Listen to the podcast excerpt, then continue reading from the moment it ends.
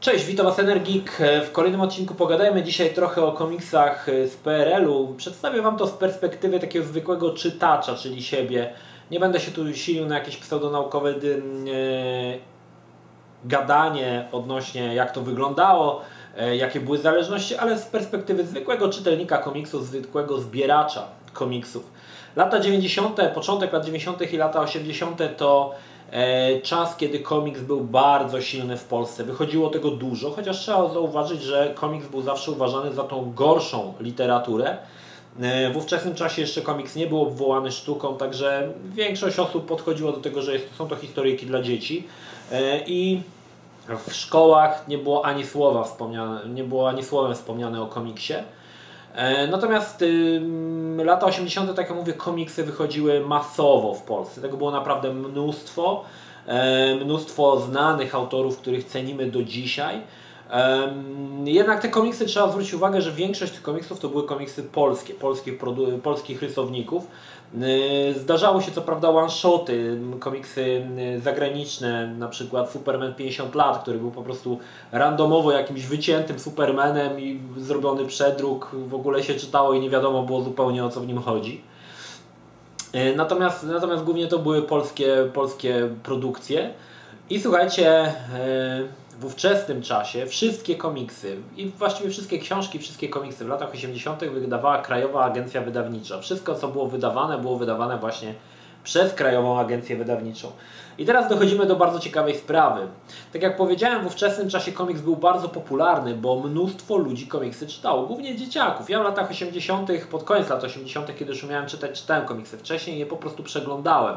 Ale wszystkich, którzy pamiętam, moich kolegów z podstawówki, Wszyscy komiksy czytali bądź oglądali, każdy się tym fascynował, każdy kolekcjonował czy też zbierał w ówczesnym czasie komiksy i było to bardzo, bardzo popularne.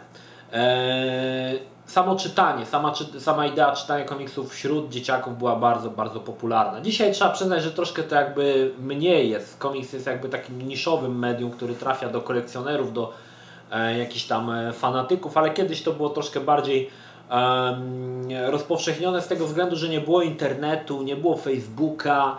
E, dla nas takim YouTube'em ówczesnym był właśnie komiks, czyli jeżeli teraz chcesz znaleźć śmieszny filmik, szukasz go na YouTubie. Kiedyś były dwa kanały w telewizji, nic śmiesznego w niej nie było. Ludzie uciekali po prostu do komiksów, żeby prze, przeżywać przygody z Tytusem, Romkiem i Atomkiem, czy też z Kleksem, no i wieloma innymi, innymi bohaterami. Także był taki, komiks był taką, taką, takim oderwaniem się od tej szarej rzeczywistości e, i stanowił taką pożywkę dla młodych ludzi, którzy po prostu się tym fascynowali. Między innymi oczywiście e, fascynowałem się też dzięki ja. E, słuchajcie, no i nakłady, nakłady komiksów. Dzisiejsze nakłady, powiem szczerze, że nie wiem jakie są nakłady, ale one nie są duże. Z tego względu, że te komiksy bardzo szybko znikają z półek e, księgarni i potem można je kupić jedynie na Allegro. Ale jakie były e, nakłady w latach 80. i 90., to jest, słuchajcie, e, ciekawa historia. Przykładowo, Skradziony Skarb, komiks z 86 roku, rysowany przez kultowego Wróblewskiego. Jerzego przy okazji. No jakiś katar mnie złapał, kurczę. Słuchajcie, nakład tego komiksu w 1986 roku wynosił 300 tysięcy egzemplarzy. Dzisiaj chyba żadna książka ani żaden komiks nie zbliży się nawet do tej ilości 300 tysięcy egzemplarzy. To były gigantyczne nakłady. Jeżeli taki komiks wychodził, on właściwie zalewał cały rynek. Był w każdej księgarni, w kioskach rzadziej, w kioskach rzadziej były komiksy. Głównie były komiksy w księgarniach. Dzisiaj taka księgarnia to już taki e, mm, sklep powiedzmy odchodzący w zapomnienie. Coraz mniej jest księgarni, ale komiksy były w księgarniach.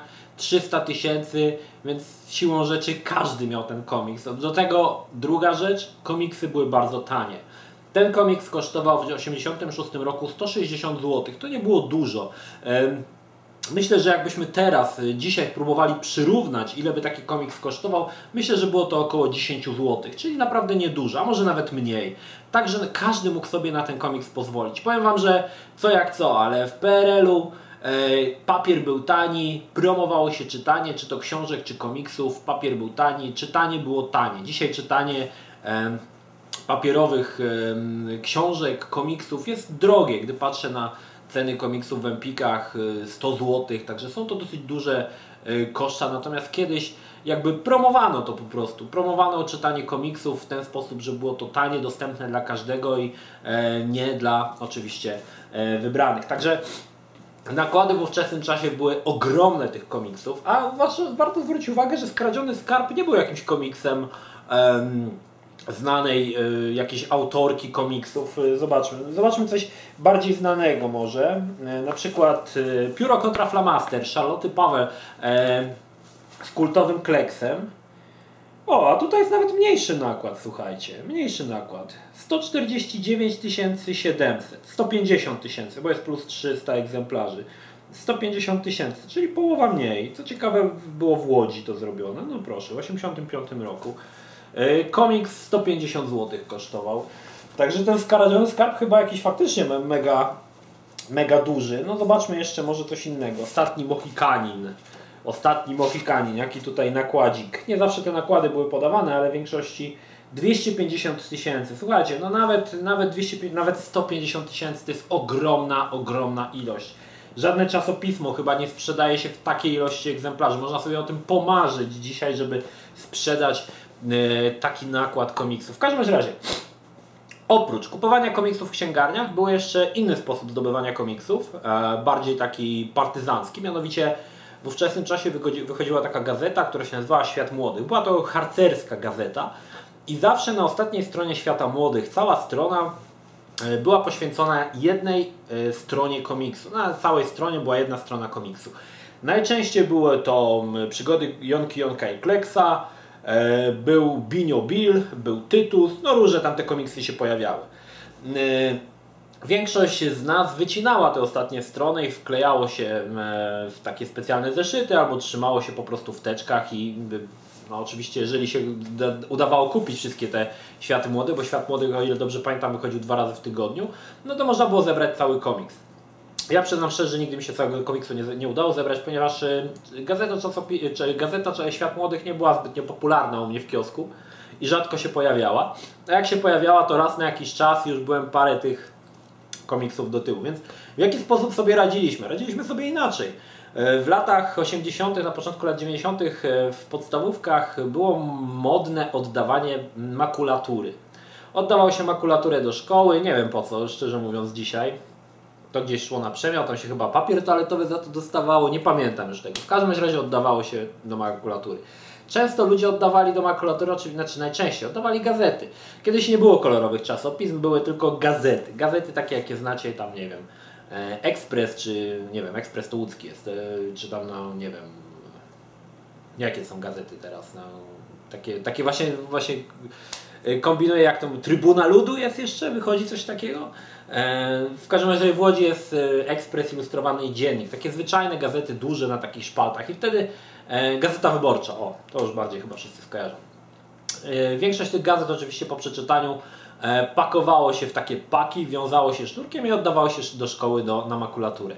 Oczywiście często było oddawane światy młodych, więc w podstawówce robiło się tak, że siadało się na ostatniej ławce, jeżeli żeśmy tam wylukali, że pod ścianą jest pełno gazet właśnie em, na makulaturę, siadaliśmy z tyłu, E, I na przykład na przerwie żeśmy mówili, że a to my zostaniemy, posprzątamy klasy albo coś i dawaj do tych gazet i żeśmy wycięli te wszystkie komiksy, e, zabieraliśmy ze świata młodych, a trzeba przyznać, że było to bardzo częste, że zdarzały się światy młodych i wychodziliśmy z całkiem niezłym łupem, muszę przyznać, e, tych, tych e, szpalt całych e, komiksów.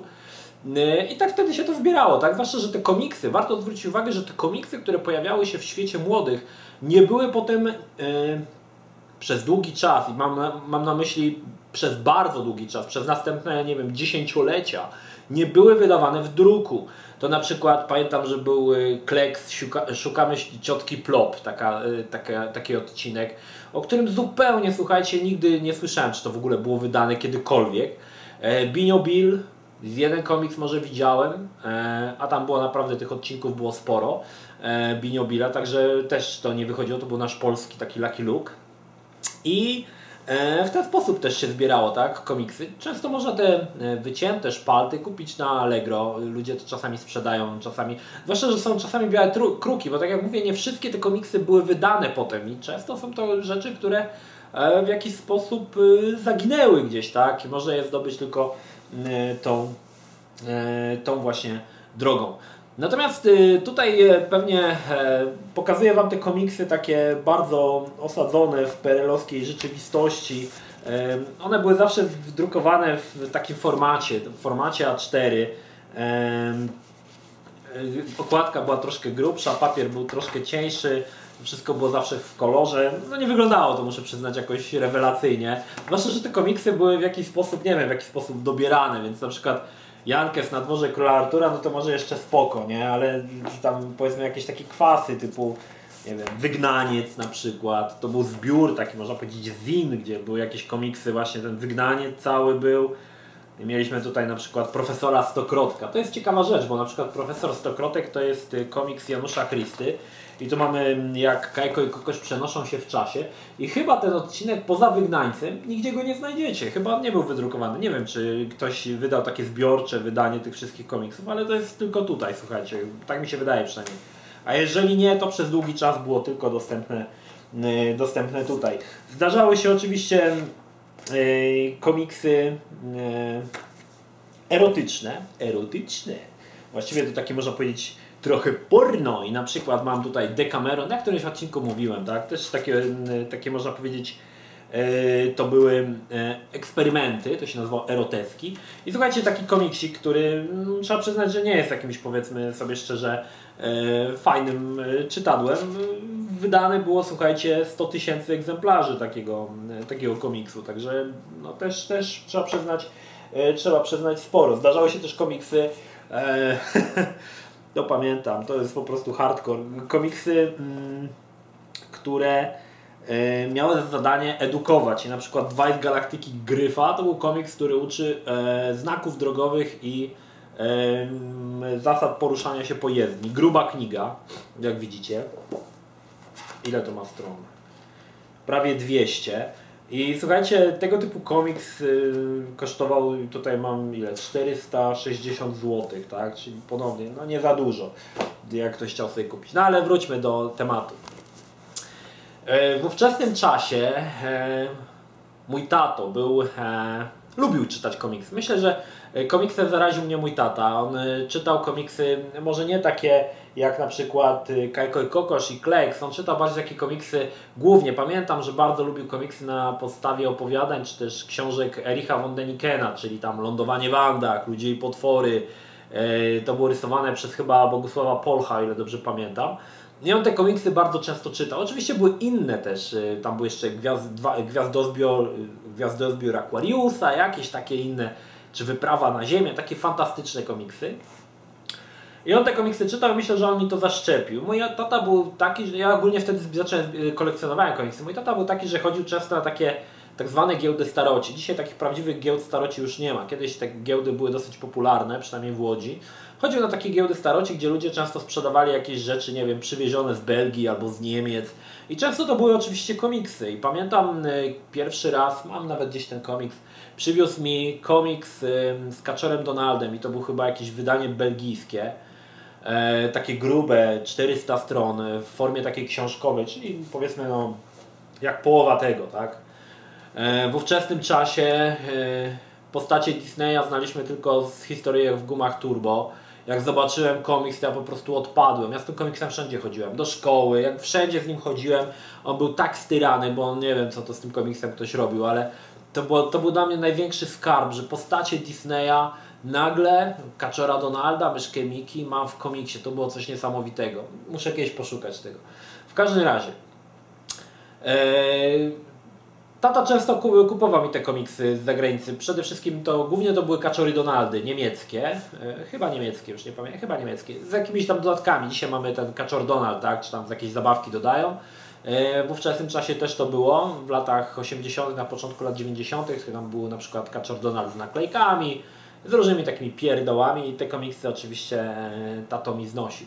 No ale moje pierwsze zetknięcie z superbohaterem, to jest też ciekawe, ponieważ pierwsze komiksy superbohaterskie, które w pewien sposób uwydatniły Marvela na rynku polskim, to oczywiście komiksy z serii TM Semik, czyli pierwsze The Punisher i The Amazing Spider-Man w 1990 roku, które się pokazały. Ale wcześniej byłem już świadom e, komiksu superbohaterskiego. Będę tak mówił, superbohaterskiego. Nie pasuje mi za bardzo to z, z, z, e, zdanie, ale będę, o nich, będę tak o tym mówił. I słuchajcie, Pamiętam, że tata kiedyś przywiózł mi Spidermana. To był format znowu kieszonkowy, czyli połowa tak jak tej dwa z Galaktyki Gryfa. To było dosyć grube. Komiks był po niemiecku, to się nazywało Dispine chyba, o ile dobrze pamiętam. I to był Spiderman. Dziś już niestety nie pamiętam e, jakie tam odcinki były. Tam chyba była pierwsze, pierwszy pojedynek Spidermana z Chansem, e, coś tam było z Doktorem Strange'em, w każdym razie, e, to było coś zupełnie innego, słuchajcie. Abstrahując od e, komiksów po prostu do wyżygania nudnych typu Wygnaniec, nagle komiks stał się dynamiczny, postacie zyskały jakieś niesamowite moce, były barwne, to wszystko było zupełnie coś innego. Oczywiście komiks był po niemiecku, ja tam nie zrozumiałem ani słowa, tak, ale po prostu oglądałem to jak zaczarowany, te, te komiksy superbohaterskie. I to był taki pierwszy komiks, y, kiedy jeszcze w ogóle o superbohaterach w Polsce za bardzo nie słyszano. Fakt faktem, ja miałem pewną wiedzę o superbohaterach Marvela, ponieważ niedługo po tym jak tato kupił mi tego Spidermana, y, zaczęła wychodzić taka guma do rzucia. Y, ona się nazywała Marvel Super Heroes.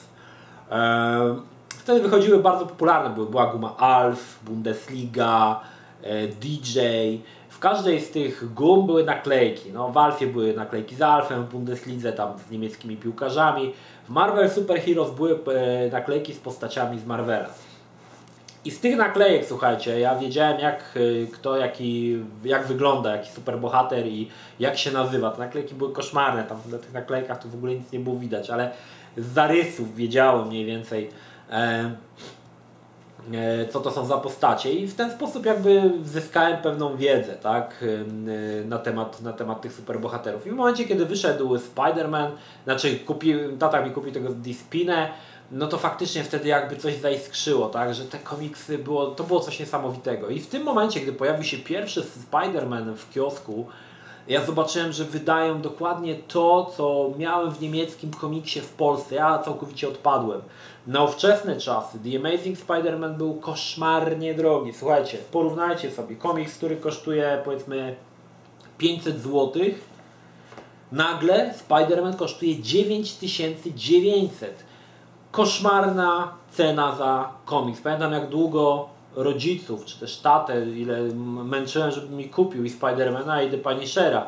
I w końcu faktycznie mi kupił. Potem moje y, zaskoczenie, kiedy okazało się, że będę musiał taką batalię prowadzić co miesiąc, że te komiksy były miesięcznikami. Ale wtedy nastała jakby era takiego komiksu superbohaterskiego.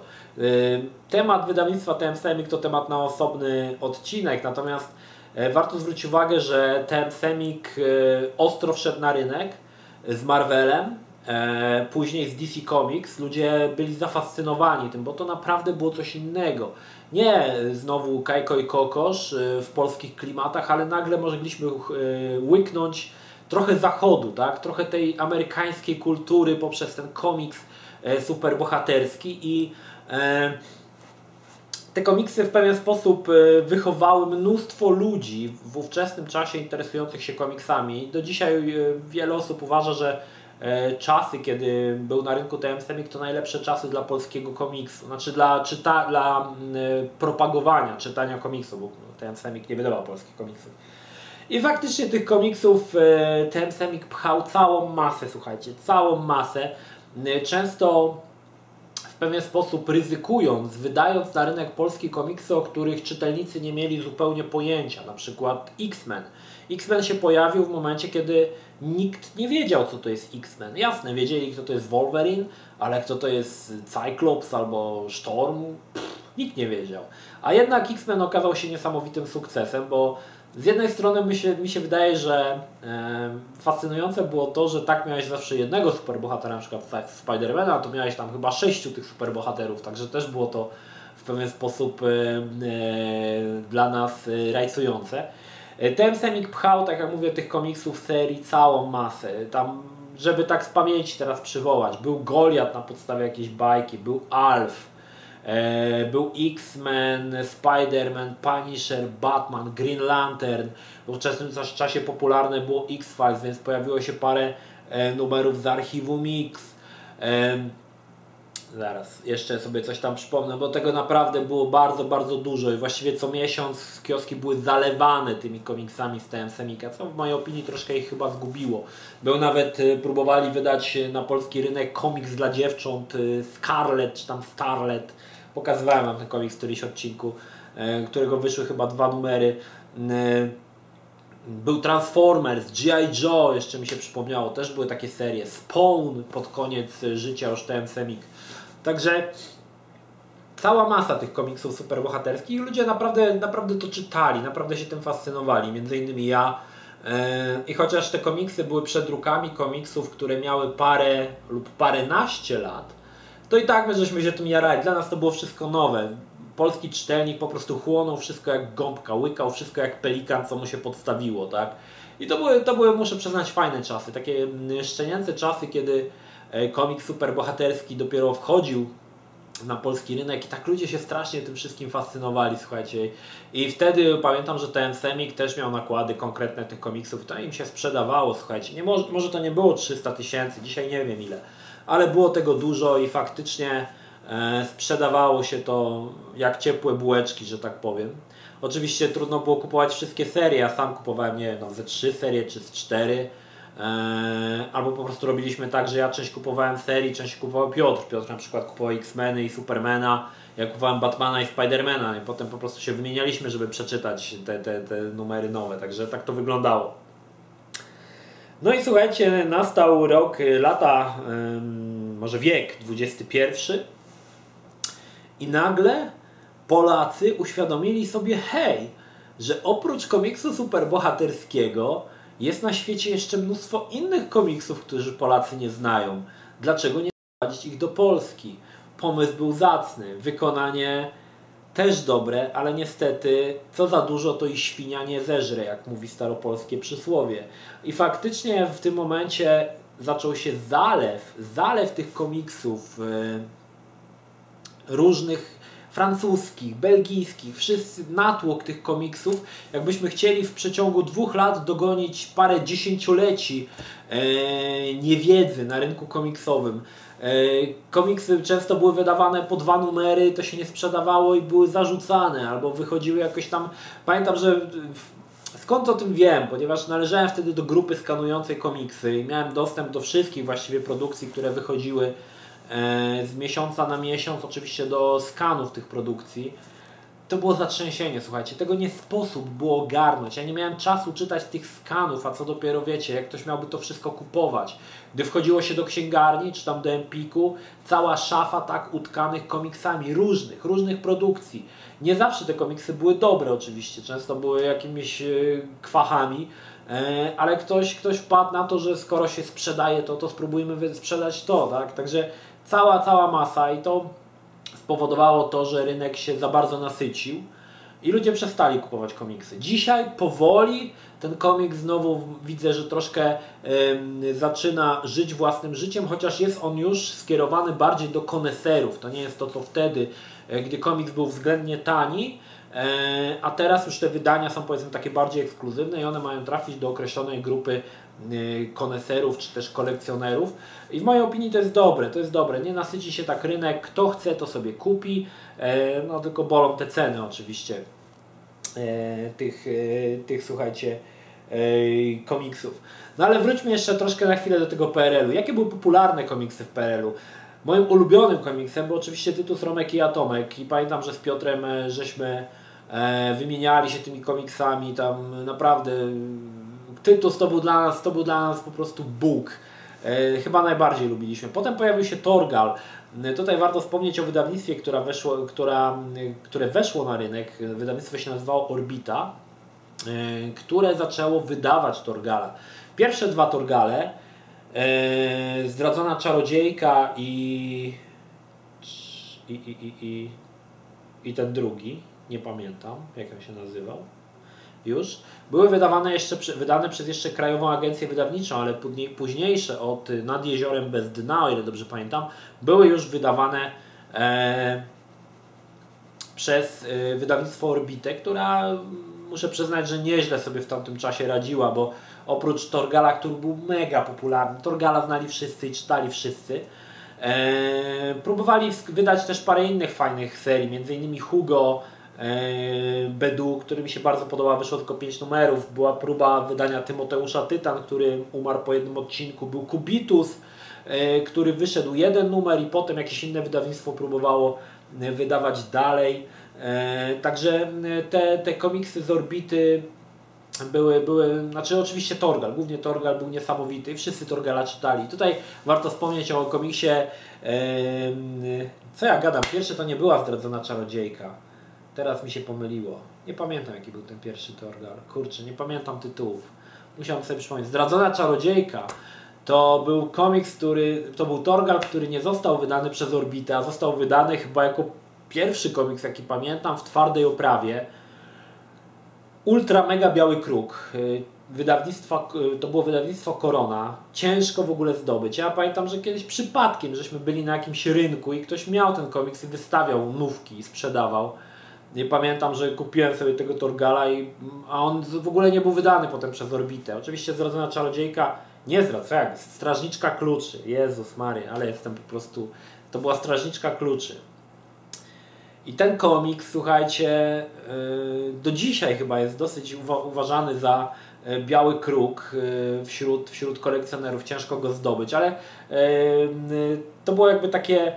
W pewnym momencie to wydawało się, że po prostu orbita przestała albo jakoś jej nie szło i oczywiście Strażniczka Kluczy została wydana przez inne, inną agencję wydawniczą, no, tak to nazwę. No ale wróćmy jeszcze do tego Tytusa. Tytus był jeden z moich ulubionych komiksów, bo to chyba pierwszy komiks. Ja pamiętam swoje pierwsze trzy komiksy, które miałem e, świadomie już przeglądałem. Był to Kwapiszon, część ósma, e, Festiwal Czarownic Kajko i Kokosz i e, Tytus, nie pamiętam która księga, ale była z, z syfonolotem chyba. I słuchajcie, te komiksy naprawdę robiły niesamowitą furorę. W ówczesnym czasie też mnie, Piotra i mnóstwo ludzi zafascynowało też robienie własnych komiksów. My żeśmy rysowali własne komiksy. Oczywiście to było w podstawówce, to były jakieś totalne po prostu masakry. E, ale każdy z nas próbował rysowania komiksów, bo nas to tak niesamowicie jarało. Chcieliśmy być częścią tej wspólnoty komiksowej. Każdy z nas marzył o byciu rysownikiem komiksów. Każdy z nas w jakiś sposób doskonalił sztukę rysowania E, właśnie tak oczywiście samodzielnie, bo tam nikt do jakieś kursy rysunku nie chodził, bo wtedy czegoś takiego nie było. Ale każdy z nas jakby starał się rozwijać ten, ten talent rysowania tych komiksów i to było też myślę fajne. To była taka rzecz, komiks tak jakby w nas wyzwalał pewną kreatywność, która powodowała, że wymyślaliśmy własnych bohaterów, jakieś przygody, rysowaliśmy to mazakami.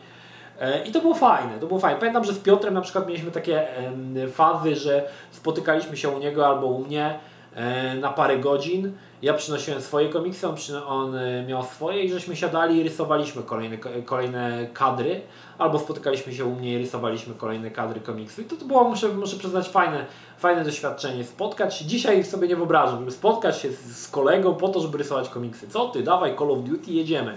A kiedyś w jakiś sposób żeśmy tą kreatywność pobudzali i staraliśmy się dać upust tej swojej inwencji twórczej właśnie poprzez to, żeby te komiksy własnoręcznie rysować. Muszę przyznać, że to było bardzo fajne. To było naprawdę fajne. Dzisiaj e, ciężko o coś, o coś niestety takiego. Yy, dobra, słuchajcie, czy jeszcze mógłbym coś o tych, pewnie jeszcze mógłbym o tych komiksach pogadać, mógłbym Wam pewnie pokazać jakieś komiksy z PRL-u, chociaż w większości wypadków, w większości komiksów pokazałem Wam w ciekawostkach komiksowych, ale wiem, że sporo osób o ten komiks się pytało.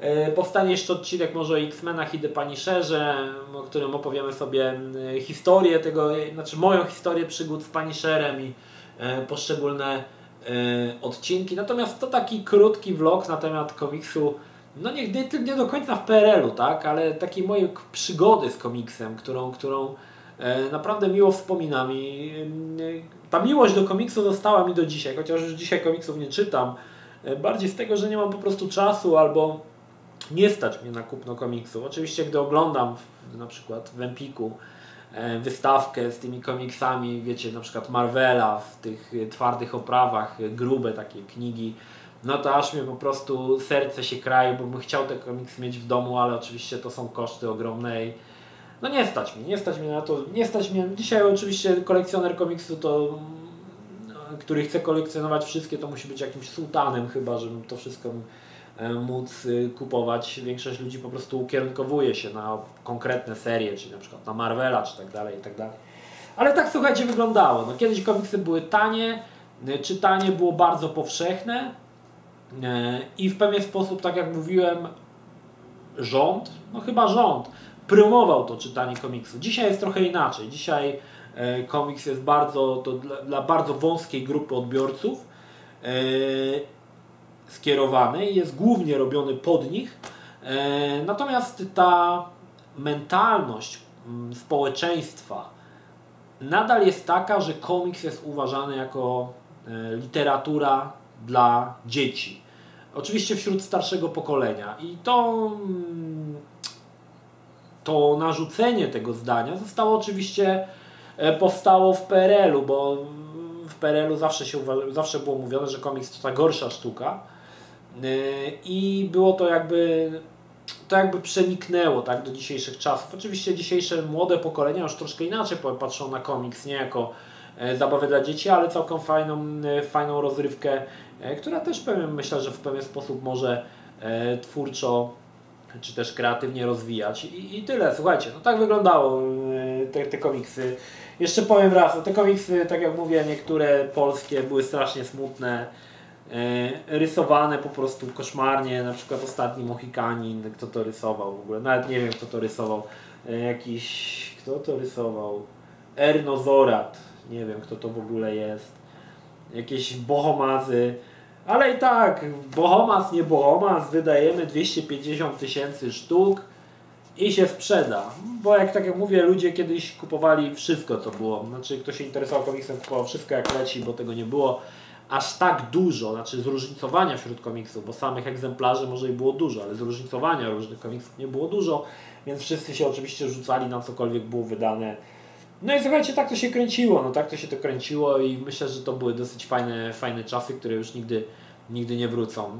Napiszcie, co sądzicie o tym odcinku, czy chcielibyście coś jeszcze posłuchać o komiksie. Pamiętajcie, że nie jestem znawcą komiksów. Ja mogę powiedzieć o komiksie z lat 80. i 90., natomiast nie za bardzo znam się na dzisiejszych y, komiksach. Wczoraj, dzisiaj przeczytałem artykuł Ichaboda y, na temat y, nowości, nowych postaci w Marvelu, to po prostu ja już, ja już nie ogarniam tego, co tam się dzieje. Nie? To, Thor w wersji żeńskiej, Kapitan Ameryka czarny, cuda nie widy, słuchajcie. Kiedyś było to o wiele bardziej prostsze i mniej skomplikowane i wydaje mi się, że może i fajniejsze, że może takie bardziej przystępne, ale to tylko moje zdanie. No nic, nie przedłużam. Pozdrawiam Was energii i trzymajcie się do następnego. Cześć.